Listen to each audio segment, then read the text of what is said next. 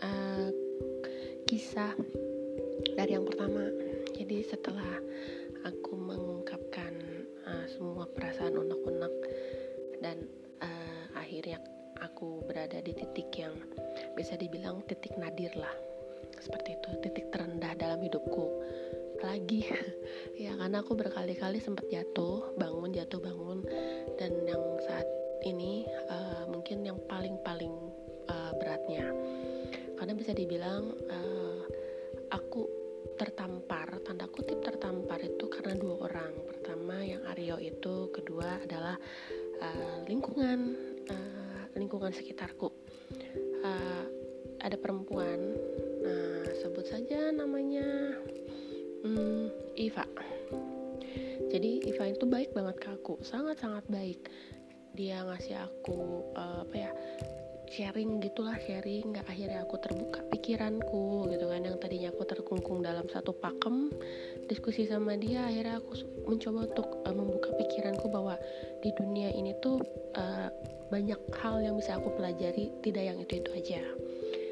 Hingga akhirnya bersamaan dengan hampir bersamaan dengan Aryo ini Iva tiba-tiba ngejauhin aku. Nah, tanpa sebab lagi gitu kan. Dan dia cuma bilang uh, berpikirlah dia bilang seperti itu. Uh, jujur aku tipe orang yang aku paling tidak suka di kode-kode. Jadi kalau mau bilang A ya A B ya B gitu. Tapi uh, ternyata kodenya itu ada di Aryo itu sendiri kodenya. Uh, mungkin tanpa Aryo sadari juga ada dia ngasih ngasih kode gitu kan. Tapi akunya nggak nangkep. Tapi uh, akhirnya pada saat Aryo marah kemarin itulah aku akhirnya menangkap apa yang dimaksud dengan Iva. Untuk aku berpikir kenapa dia menjauh. Oh ternyata aku masih disuapin. Dalam artian dikit-dikit dibantu dikit-dikit dibantu gitu. Tidak tidak berdiri sendiri itu padahal sebenarnya uh, banyak orang bilang uh, terutama teman-teman lingkungan dekatku bahwa aku tuh punya punya segala hal gitu. Kemampuan ada uh, fasilitas ada. Hanya akunya yang tidak mau mengembangkan diri. Hmm, sejak itulah aku langsung tersadar dan aku diskusi sama satu orang nah, namanya Yudi nama samaran Iva juga nama samaran sama Yudi ini dia sudah tahu karakter aku seperti apa. Kenapa? Karena aku sama dia uh, pernah bekerja sama dan pernah ada hubungan juga. Jadi dia sangat-sangat tahu karakter aku seperti apa, background aku seperti apa. Yudi ini tuh sangat-sangat pinter sekali untuk nyadarin aku gitu. Dia mah nggak banyak ngomong, nggak banyak gimana gimana. Dia cuma bilang kamu mau sampai kapan? Kayak gini terus, mau sampai mati. Cuma ada dua pilihan. Mau gini terus sampai mati atau kamu yang bangun bangkit. Udah dia cuma ngasih pilihan itu ke aku. Dan entah kenapa aku langsung berpikir iya ya mau sampai kapan aku seperti ini? Akhirnya sejak itulah aku mulai bangkit pelan-pelan jalan masih terseok-seok karena masih ada beberapa hal yang mengganjal hingga akhirnya aku benar-benar bisa jalan tanpa terseok-seok setelah aku mengungkapkan di podcast yang pertama kemarin itu setelah aku bikin rekaman, aku publish dan akhirnya aku tidur. Besoknya aku cerita lagi sama Yudi dan aku bilang aku mau berubah. Tolong bantu aku. Akhirnya oke, okay, dia cuma minta satu syarat, ikutin semua yang dia suruh. Apa pun itu tanpa mengeluh. Oke, okay, aku deal. Aku tipe orang yang kalau tidak masuk akal malas jalanin. Tapi sekarang masuk nggak masuk akal jalanin aja dulu gitu akhirnya aku ikutin dia dia bilang oke aku kenalin sama temen ya kamu mulai ngaji ya kamu mulai buka Quran lagi kamu mulai beribadah lagi bla bla bla aku ikutin. Hingga akhirnya aku kenalan sama temannya Yudi ini dibimbing dia bilang kamu harus ganti nama. Memang susah untuk ganti nama secara keseluruhan ya secara birokrasi tapi setidaknya nama panggilan atau ibaratnya nama panggung lah gitu. Nama panggung harus diganti oke okay, aku bilang gitu aku ikutin terus dia bilang ganti nomornya nomor telepon kamu nggak bagus ini nih aku ikutin. Aku beli dua nomor sesuai arahan temannya Yudi itu. Satu buat pekerjaan dan satu buat pribadi akhirnya aku ya mulailah mulai ganti. Aku memberi apa ya yang beritahu uh, ke teman-teman terdekat bahwa aku ganti nomor termasuk ke Aryo itu. Aku sempat deg-degan gitu apakah Aryo mau nge-save apa enggak. Karena pada saat berantem pas pada saat aku nanya kamu mau hapus nomor aku enggak? Dia jawab enggak tahu. Dia bingung pertanyaan itu. Aku udah pasrah jujur aku udah di titik ya sudah lah aku nggak ada ngasih tahu nomor baru di save makasih nggak di save ya sudah uh, aku lupain aja langsung kan aku lupain dan nggak lama besok siangnya dia nggak jawab udah dan bener uh, ada profil picnya dia di WA seketika itu juga aku langsung seneng. Aku langsung yang ih sereceh ini ya aku untuk bahagia aku bilang dalam hati yang jelas. Dan dari situ aku nggak tahu booster ya mood booster lah langsung langsung semangat kerja. Ya mungkin karena masih ada perasaan kali ya. Jadi hal yang sekecil apa pun jadi penyemangat aku. Tapi itu aku nggak dijadikan yang terlalu dalam gimana banget nggak. Karena aku langsung sadar bahwa uh, oh ya kita sudah temenan kita sudah masing-masing. Jadi aku nggak boleh terlalu hanyut dalam kebiasaan yang dulu gitu yang alias dikit-dikit cerita dikit-dikit uh, dikit-dikit minta curhat dan kawan-kawannya. Aku berusaha untuk mengerem itu. Karena uh, kalau aku mau cerita aku mau curhat tuh ke Allah aja. Tetapi kalau untuk kabar bahagia mungkin bisa disebar lah gitu. Oke okay, setelah aku ganti nomor ganti nama panggilan jujur aja percaya atau nggak percaya uh, aku ngerasa tenang aku ngerasa semangat dan aku ngerasa uh, aku harus bikin planning. Karena selama ini aku jalan begitu saja. Akhirnya Yudi bilang kamu bikin uh, setting ya. Maksudnya kamu bikin goalnya kamu apa maunya gimana tulis semua udah gitu lupain. Dalam artian kamu nggak perlu mikir planning A jalannya ke sini planning B jalan ke sini nggak perlu. Biarkan saja Allah yang meng, apa, mengantarkan ke planning kamu ke settingan yang goal itulah pokoknya. Aku ikutin gitu dan benar eh, nggak uh, butuh waktu lama. Aku ngerasa Allah tuh udah mulai e, mengarahkan ke yang aku pengen. Baik dalam segala hal keluarga e, pekerjaan dan perasaan. Hmm, keluargaku sudah tidak apa ya tidak terlalu yang mengekang gimana bukan mengekang sih dalam artian e, meng, apa mengatur banget lah gitu. Dan pekerjaan pun aku udah mulai nemu jalan jalan enaknya gitu loh untuk mengembangkan divisi aku sendiri gitu kan. Aku udah mulai mengenal tim aku sendiri semakin mengenal tim aku sendiri dan kita tiktok lah enaknya. Kalau untuk perasaan perasaan ya eh, tidak dipungkiri lah itu masih ada tetapi sudah tidak seperti kemarin gitu yang nyesek banget tidak ada gitu. Udah benar-benar ya udah lepas aja. Apa pun yang terjadi kalau emang sudah ditakdirkan ketemu yang ketemu.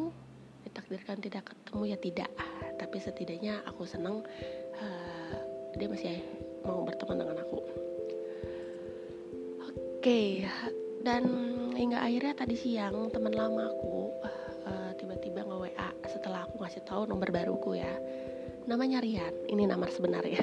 Tidak pakai nama samaran. Namanya Rian dia uh, pemilik bis malam di daerah Jawa Tengah.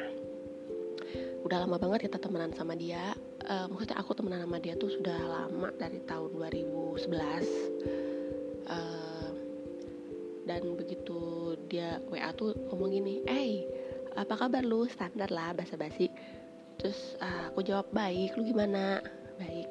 Uh, lu jadi berubah ya sekarang? Berubah gimana? Uh, terus dia bilang iya lu berubah aja. Dan gue ngeliat lu tuh kayak 10 tahun yang lalu. Ya artinya pada saat kita pertama ketemu gitu. Terus uh, aku bilang kok bisa? Gitu. Iya gue ngeliat tuh kayak lu tuh nggak ada beban hidup tuh enak bahagia aja. Dia ngomong kayak gitu.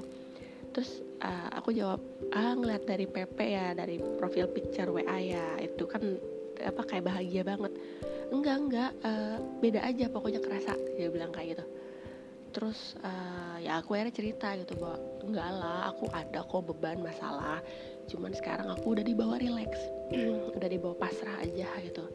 Kalau misalnya aku ngerasa nggak kuat ya tinggal lari ya lari ke Allah itu aja sih aku bilang gitu. Terus uh, Rian ini bilang ya syukurlah kalau emang lu sudah apa ya sudah mulai membuka pikiran sudah mulai terbuka dengan banyak hal nggak terkungkung gitu. Jadi uh, gue ngeliatnya juga demen aja.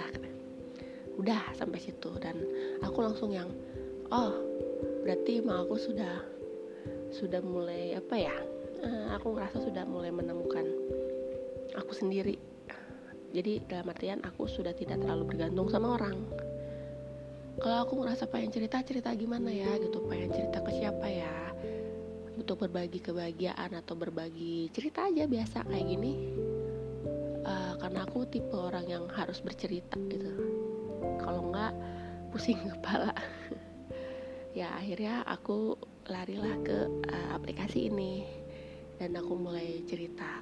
Terlepas ada yang mendengar atau tidak ya aku cerita aja dulu. Perihal ke depannya gimana ya? Biarkan Allah yang men, apa ya? Allah yang mengaturnya uh, yang jelas sekarang fokusku uh, ke anak-anakku kedua anakku yang masih pada kecil-kecil. Aku ngeliat mereka mereka tumbuh besar uh, mendapatkan kasih sayang ibunya. Uh, dan oh ya aku single parent. Tapi alhamdulillah uh, bapak anak-anak uh, masih berkomunikasi sama aku. Jadinya mereka juga tidak terlalu kehilangan sosok bapak gitu. Um, planning aku ya emang ngeliat anak-anak bekerja untuk anak-anak eh sorry bekerja untuk nabung. Kalau untuk rezeki anak-anak ya ada lagi dari mana aja. Yang penting halal itu saja. Dan aku cuma mau bilang ber, bilang terima kasih banget kepada tiga orang pertama Aryo kedua Iva kedua ini nama dua orang ini nama samaran. Tiga sih sebenarnya sama Yudi. Tiga orang ini nama samaran semua. Iva sama Aryo yang benar-benar bikin aku uh, mulai tersadar. Karena secara tiba-tiba yang satu langsung meninggalkan aku. Bukan meninggalkan sih dalam artian yang satu langsung menjauhi aku untuk aku berpikir yang satu marah hingga akhir aku juga merasa sendiri dan berpikir. Dan Yudi inilah yang uh, membuat apa ya ibaratnya kayak membimbing aku bahwa ini loh jalan kamu di sini trek kamu di sini jangan ke mana-mana. Dan yang bikin aku sedih adalah uh, kemarin Yudi ini pamit gitu pamit dalam artian dia bilang saya mulai sibuk kerja ditambah calon. Dia kan udah punya calon dia juga menjaga perasaannya calon. Kalau terlalu dekat juga ntar bahaya aku sama Yudi. Uh, hingga akhirnya dia pamit dan dia bilang uh, aku membimbing kamu cukup sampai sini. Kamu sudah tahu triknya aku pun udah ngasih tahu triknya. Dan selamat menikmati hari-hari yang baru. Kalau ada apa-apa diskusi saja sama temannya itu. Oke okay, dan mungkin kalau dulu-dulu pas pada saat ada teman pamit seperti itu tuh rasanya sedih banget. Tapi nggak tahu sekarang oh ya udah nggak apa-apa. Jadi ya aku bisa fokus ke pekerjaan. Kalau misalnya aku lagi bosen ngapain itu nggak ada temen nggak ada nggak ada apa-apa ya larinya udah ada sekarang. Kalau nggak nulis uh, bikin podcast kayak gini cerita-cerita uh, atau mulai latihan editing foto editing video lagi yang dulu-dulu? Well sekali lagi terima kasih untuk kalian bertiga. Hmm, kalian bener-bener hmm, apa ya? Hmm, semua sudah ditakdirkan semua sudah tertulis dalam kitabnya Allah. 50 ribu tahun sebelum penciptaan langit dan bumi. Dan aku percaya pertemuan kita bertiga ini tidak kebetulan tapi memang sudah direncanakan. Begitupun dengan perpisahan tanda kutip sudah tidak terlalu dekat lagi kita uh, itu juga sudah ditakdirkan. Dan aku tidak bisa membalas uh, kebaikan kalian bertiga ke aku. Biarlah Allah yang membalas semuanya. Oke, segini dulu. Ini cerita uh, atau confess pengakuan aku yang kedua dan terakhir besok-besok aku akan mulai cerita fiksi dalam bukan fiksi sih maksudnya bikin cerita aja gitu. Mendongeng lah kasarnya. Jadi terima kasih uh, untuk yang mendengarkan dan selamat malam. Selamat istirahat